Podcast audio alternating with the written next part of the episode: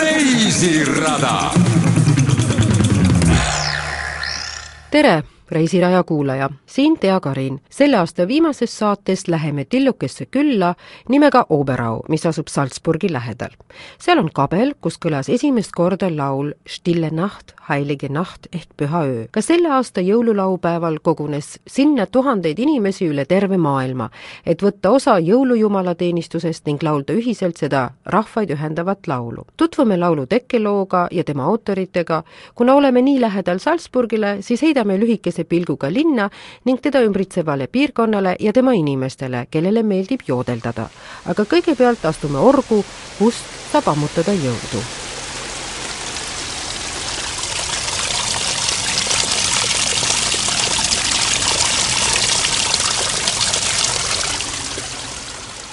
Kristiine Vallinge müüb pileteid, avab väravad ja annab selgitusi oru kohta, kus ta juba teist hooaega töötab. kuna ta ise siin läheduses elab, naudib ta oma tööd eriti, sest org annab talle palju jõudu.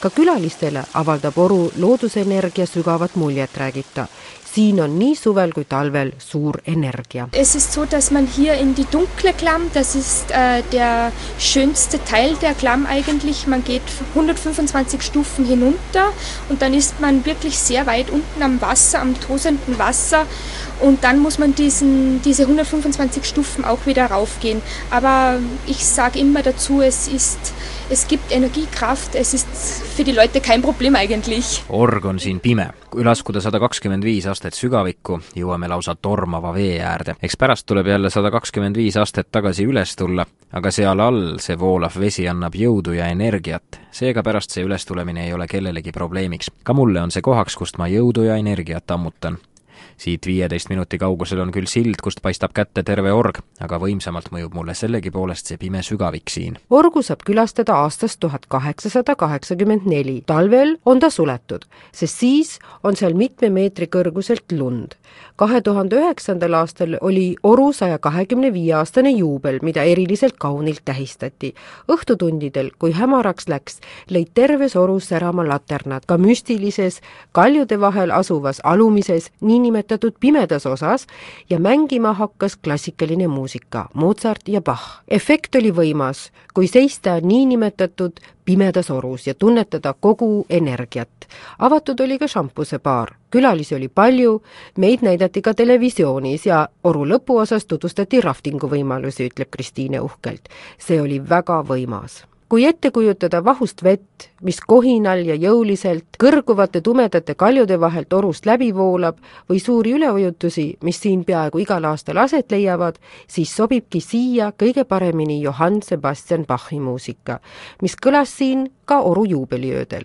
kuulame Bachi tuhande seitsmesaja kahekümnendal aastal lõpetatud kuuest sonaadist prelüüdi nimetuse all Sei solo a violino senza basso accompagnato, libro primo. nii on kirjas Bachi poolt dateeritud autograafil tegemist oli ajaga, kus palad violiino soolo jaoks olid tavapärased. violoncello kui sooloinstrumendi jaoks oli see aga alles algus. kuulame seda Austria tšellisti Friedrich Kleinhapi esituses.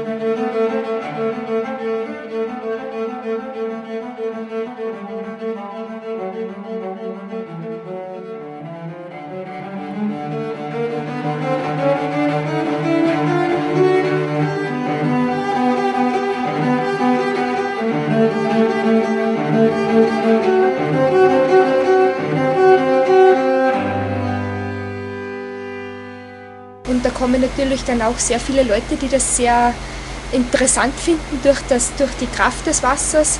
Man muss halt nur äh, sehr vorsichtig sein, weil es auch sehr gefährlich dann auch ist natürlich. siia tuleb palju inimesi, kellele see huvi pakub, aga tuleb väga ettevaatlik olla, sest vees on palju jõudu.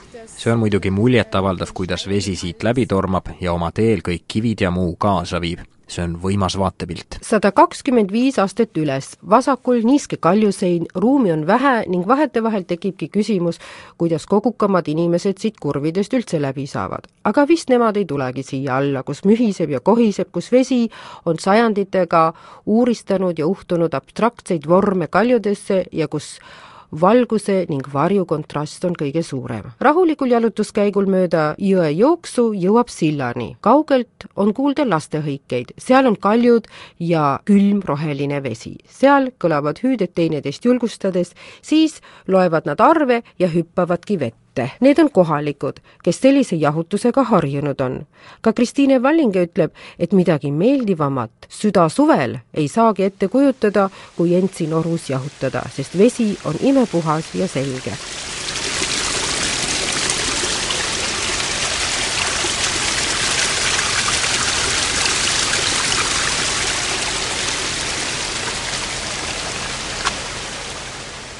kitsal jalutusrajal on leida sildid, need jutustavad lugudest, sellest, mis siin orus juhtunud on.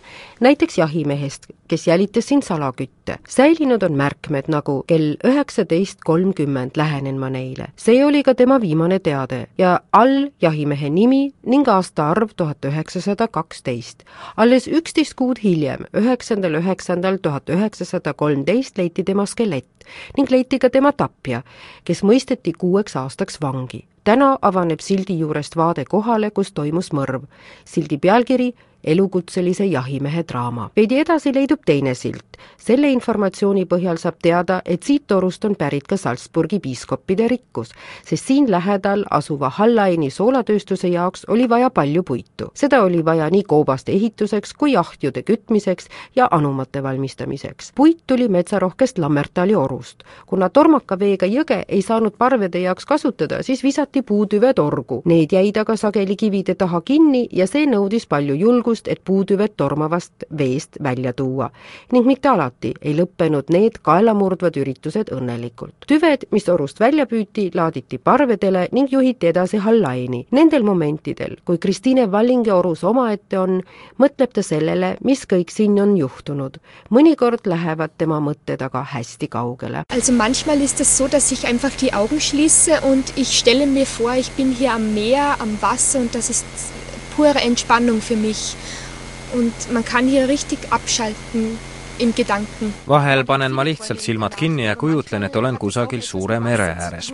mulle mõjub see lõõgastavalt, võin end sedasi unustada. ja kui ma juhtun uinuma, näen unes vett. seal ülevalpool, kus ma elan, voolavad ka mõned jõed, aga seal on väga vaikne. see vetemäng siin on igatahes imeilus. kuulame siia juurde Lammertani traditsioonilist muusikat, mis on Salzkammerguti regioonis nii noorte kui vanade juures armastatud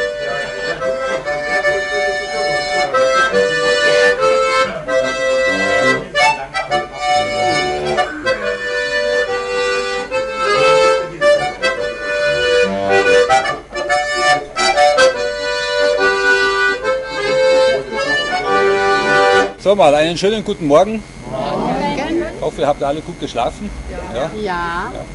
Dann muss ich euch gleich mal was erzählen. ilusat hommikut, loodan, et olete kõik hästi välja puhanud. saanud vastuse ja, ütleb härra Wegener, et nüüd on moment esimese nalja jaoks. nii tervitab hotelli Goldene Stern omanik oma külalisi väikeses mägikülas Aptenaus, mis asub regioonis, mille nimi on Salzkammergut peale ülessoojendust naljadega tutvustab ta piirkonda. seitsesada meetrit merepinnast on Aptenau turuväljak, kust ekskursioon algab. suuruselt on see vald sada kakskümmend seitse ruutkilomeetrit suur, mis teeb ta suuremaks kui Salzburgi linn või vürstiriik Liechtenstein. kuus tuhat inimest elab siin. juba viiesaja aasta eest oli siin turg, sest siia tuli eri piirkondadest palju kaupmehi, kes siia elama asudes ei pidanud kolmkümmend aastat makse maksma. selle eest oli nende ülesanne maha raiuda mets ning asustada piirkond. alles on veel mõnigi vana traditsiooni järgi ehitatud hoone, näiteks kõrtsid, kus keskmes on suur saal, seal võisid istuda talunikud,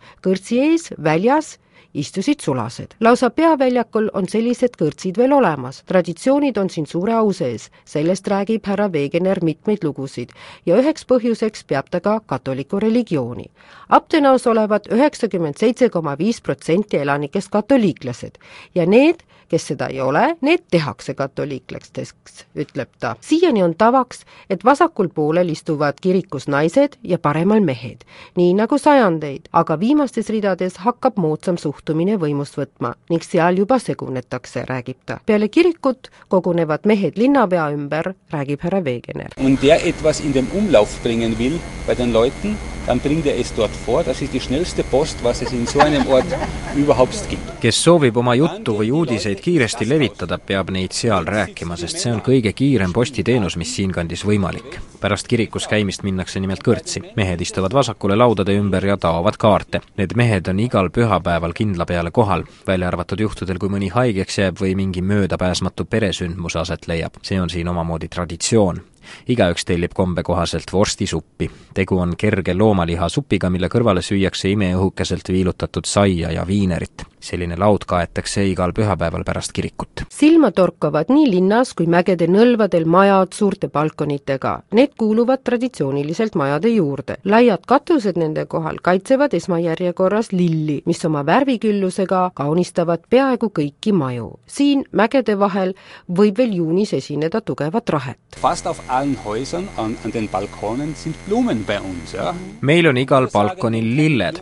siin on isegi ütlemine, et kui kellegi balkonilt lilled puuduvad, on seal peres midagi korrast ära. nõnda hoolitsevad kõik selle eest, et nende balkonil oleks lilli, sest keegi ei taha, et tema kohta midagi sellist arvatakse lilled on siin meie elu osa. samuti nagu pilku püüdvad lilled balkonitel koos grafitiga majade fassaadidel kuulub siia joodeldamine, mida vist oskavad peaaegu kõik elanikud, paremini või halvemini. kuna kvaliteedis siiski päris kindel ei saa olla, siis õhtuteks kutsutakse hotelli siiski tõeline professionaal, kes valdab nii naljatamise kui laulmise kunsti, mängib akordionit ja oskab kõrgel tasemel joodeldada. loomulikult keerlevad naljad ka õlle ja veini ümber ja seega ütleb õhtujuht, et nagu luuletus ütleb, see, kes veini joob, on alati terve ja see ongi tõenduseks, et alkohol on tervislik ja nüüd tõstame klaasi selle nimel, et me kaua elaks. Proosit! sellele järgneb üks keerulisemaid joodeldusi loos, mille nimi on ertshertsog Johanni joodeldus ja mis kutsub kuulajates esile tõelise vaimustuse.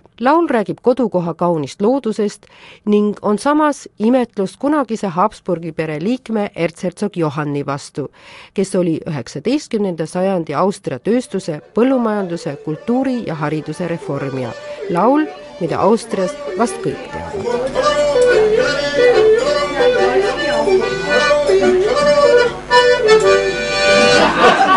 Damit ist der Beweis erstellt, dass Alkohol gesund erhält. Drum lasst uns einen heben, damit wir länger leben. Sein Stück zeigt null und der ganz Wo mein lieber Herzog Johannes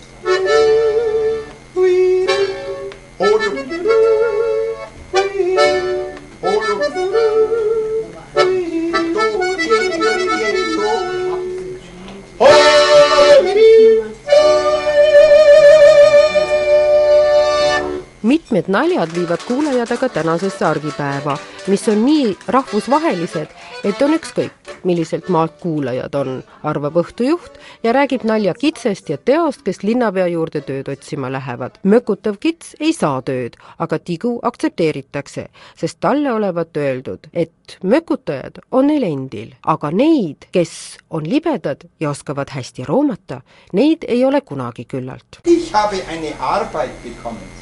Was? Du als Schnecke hast eine Arbeit bekommen. Was hat denn der Bürgermeister gesagt? Ja, der Bürgermeister hat gesagt, in unserer Gemeinde, da haben wir eh schon so viel Meckerer. Aber ein paar Kriecher und Schleimer könnten wir noch brauchen. et mõtted liialt argipäevaseks ei kipuks, siis kutsub õhtujuht üles laulma kõigile tuttavat populaarset laulu Schneevaltser, tõlkes lumevalss, mille juures saab kaasa õõtsuda.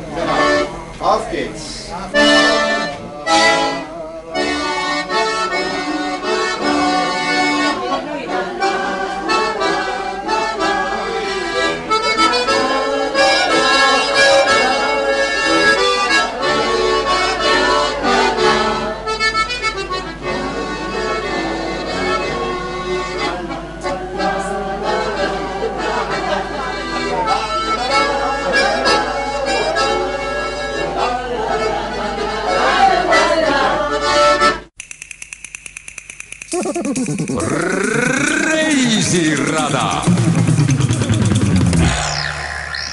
aga mitte ainult keset Aptenau linna ei laulda, seda tehakse ka ümbruskonna mägedes. seal ootavad meeldivad üllatused, mille juurde kuulub imekaunis ümbrus, vaated üle mägede ja metsade, kõik on just nagu muinasjutus kõigepealt tuleb aga mitu tundi jalamägedes matkata, et jõuda väikese puidust imeromantilise majakeseni, kus aastakümneid elas suur pere. lapsed on juba all linnas, aga külaliste päralt on kaheksakümneaastased peremees ja perenaine. perenaise spetsialiteediks on kohalik roog, flaškrapfen, mis majakese vanas köögis tõelise vana pliidi peal raskel malmist pannil ja kuuma õli sees oma võrratu maitse ja kuldpruuni väljanägemise saavad.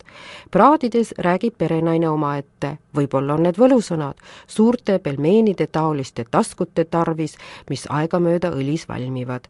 sinna juurde süüakse hapukapsast keedetud kartuleid ja söök kallatakse üle või ja meeseguga perenaine ja peremees jutustavad oma elust, aastatest, kus nad lastena tunde mäest alla kõmpisid, et kooli jõuda, talvedest, kus isa teeraja ette tegi, et meetri kõrgusest lumest lihtsam oleks läbi saada. Nad räägivad ühisest tööst ja tänastest külalistest, kes tee nende pisikesse vanasse ja imekaunisse traditsioonilisse majja leiavad, kuidas nad oma elu keset loodust ja kõrgel mäel naudivad. täna on neil veel lehm laudas, mis pole iial kuulnud midagi euronormidest. ja kinnituseks oma pajatustele võtab perenaine kitarri ja laulab ühe oma lemmiklauludest, oma kodukohast, kus õitsevad lilled, voolab jõgi, laulavad linnud, kohas, kus ta alati tahaks olla, kus laulavad oma laulu karjased ja nii eriliselt loojub päike ja siravad tähed. seal ununeb kurbus ja mäeaasade rahus kõlab kannel. nii kõrgel mägedes, üksi taeva ja maaga, siia sobib ka maailma loomise laul perenaine veidi küll kõhkleb, sest see on veidi kõlvatu, leiab ta. laul on samas aga väga õpetlik, seal peitub vihje, sest see räägib ajast, kui Jumal lõi kalad ja ahvid ja samas ka Aadama ja tema ribist Eeva. kui Aadam nägi, millise pilguga Eeva talle naeratuse saatis, siis palus ta loojat, et see võtaks kõik ta ribid ja looks nendest veel nii kauneid Eevasid. kogenud looja aga arvas, et Aadam ootaks aastakese, äkki piisab talle siis sellest ühest. viimases salmis tuleb looja ja küsib ettevaatlikult Aadamilt, kas Eeva talle ikka veel meeldib ja Aadam vastab, oo mu jumal, kui vähegi võimalik, pane mulle see ribi jälle tagasi. Da ging er her, drei Schritte zu ihm vor und flüstert leise, leise in mein Tor. Probier's ein Jahr, ein Jahr probier's mit dir. Vielleicht genügt dann diese eine dir.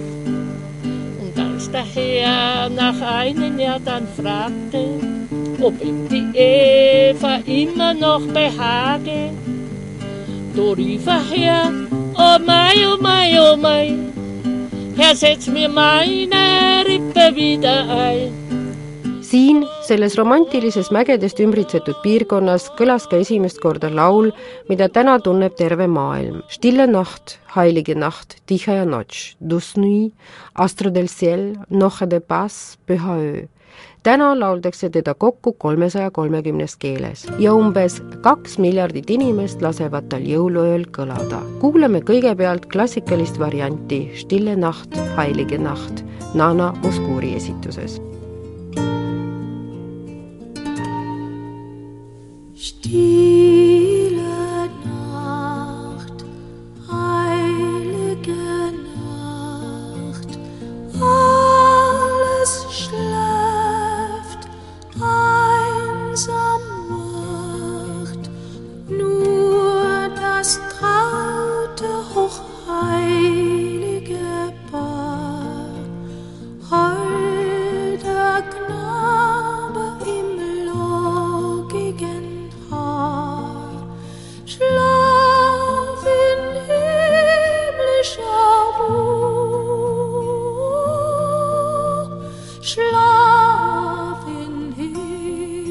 show.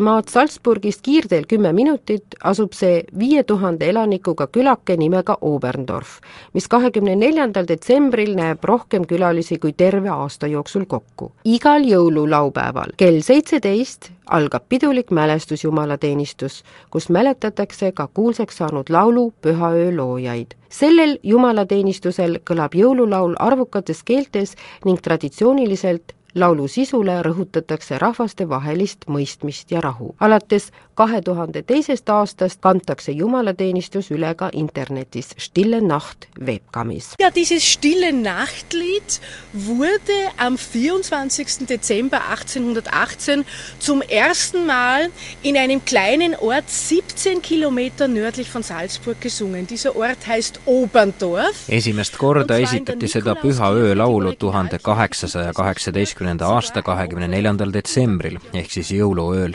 väikeses külas nimega Oberndorf. asub see Salzburgist seitsmeteist kilomeetri kaugusel ja see lugu kõlas seal Püha Nikolausile pühendatud kirikus. praegu seda ehitist enam alles ei ole, sest kirik lagunes tuhande kaheksasaja üheksakümnendal aastal Zalzaki jõe üleujutuse tagajärjel. selle kohale ehitati mälestuskabel, mida hüütakse püha öö kabeliks. sinna on kombeks talvel külalisi kabelit vaatama viia. Martina, kes töötab Salzburgis giidina, mängib kriminaalsete ekskursioonide juures komissari ning Wolfgang Amadeus Mozartit tutvustavatel ekskursioonidel ka Mozarti õde Nannerlit, ütleb, et talle endalegi meeldib see pisike kabel, mis suurte kuuskede all talvel, kui lumi maas, eriti romantiline on. see on tagasihoidlik, teadlikult lihtsalt kujundatud tilluke kabel, mis õnnistati sisse tuhande üheksasaja kolmekümne seitsmendal aastal ja just tema lihtsus on see, mis laseb kabelil mõjuda nii kaunilt. kaks akent lasevad valgusel ruumi siseneda, mõlematel on kujundatud laululoojad Joosef Moor ja Franz Xaver Gruber.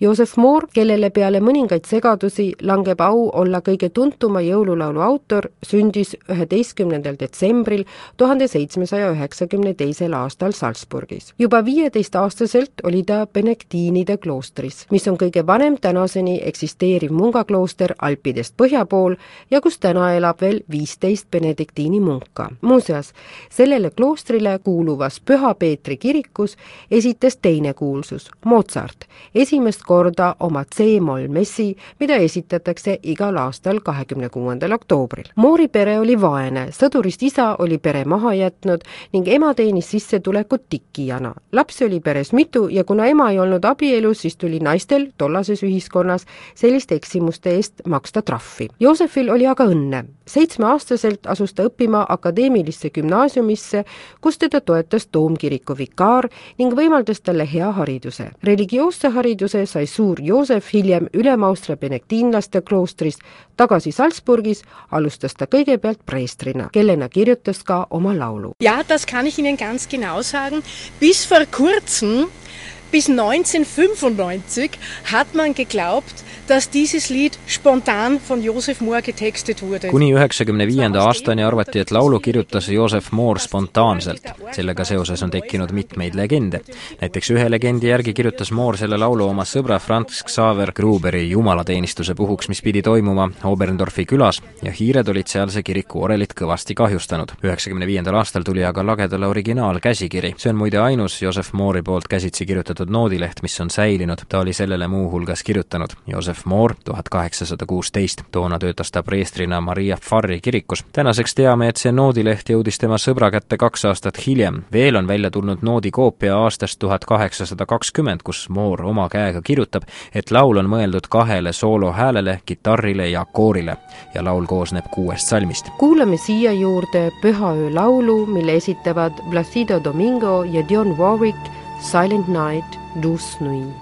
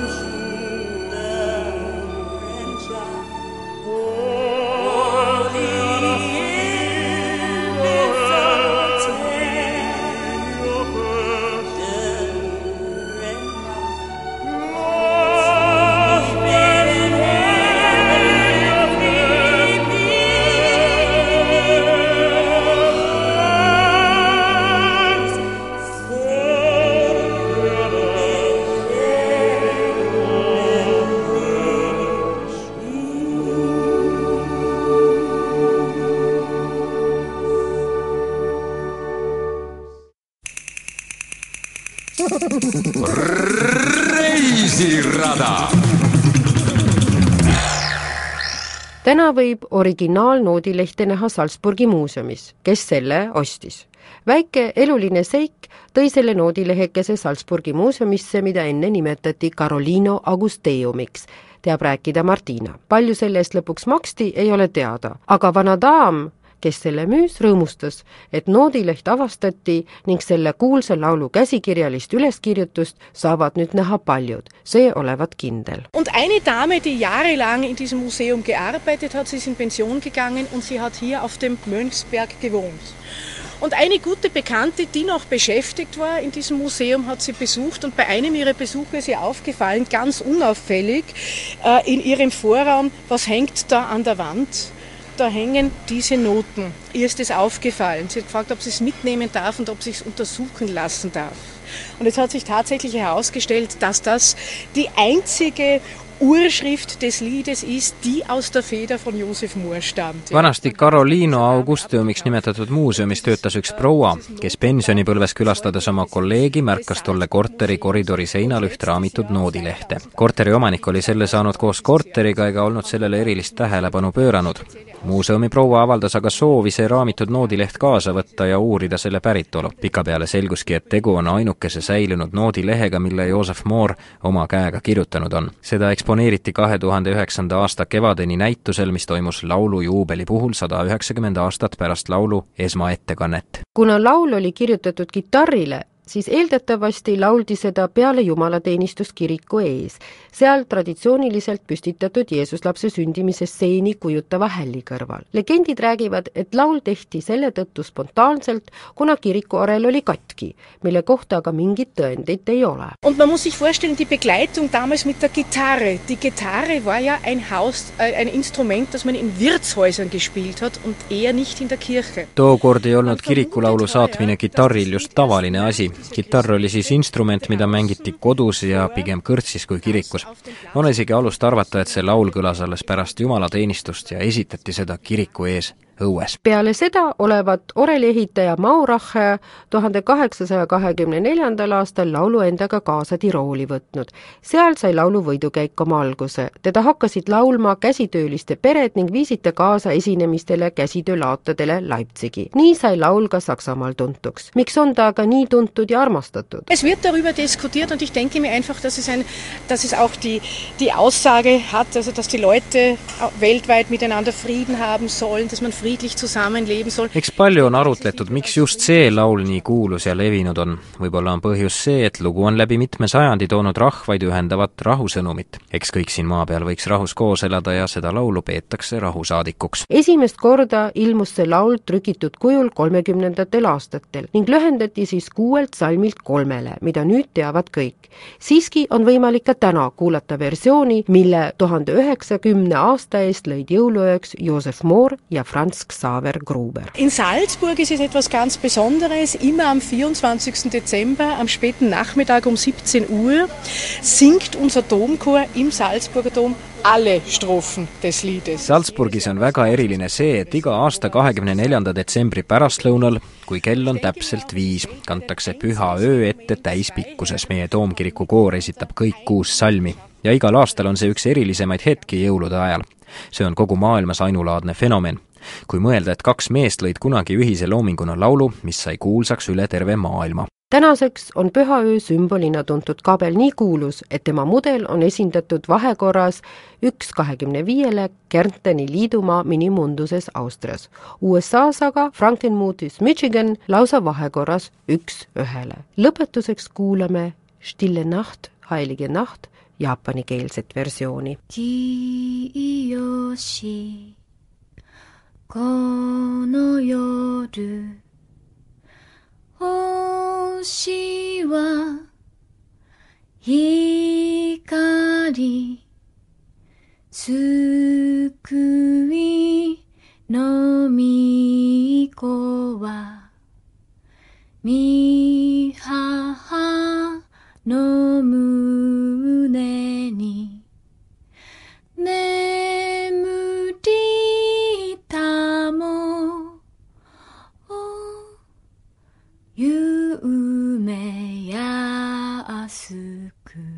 edasiviivat informatsiooni Salzburgi regiooni Salzkammergut, Abtenau ja Pühaöö kabeli kohta leiate Kuku koduleheküljel. nagu ikka, saate tehniline teostus oli helioperaator Veiko Rebase kätes, tõlkeid luges Jüri Mutika. sellega on kahe tuhande üheksanda aasta reisirada lõppenud. reisiraja toimetaja Tea Karin soovib kõikidele mõnusat aastalõppu. reisirada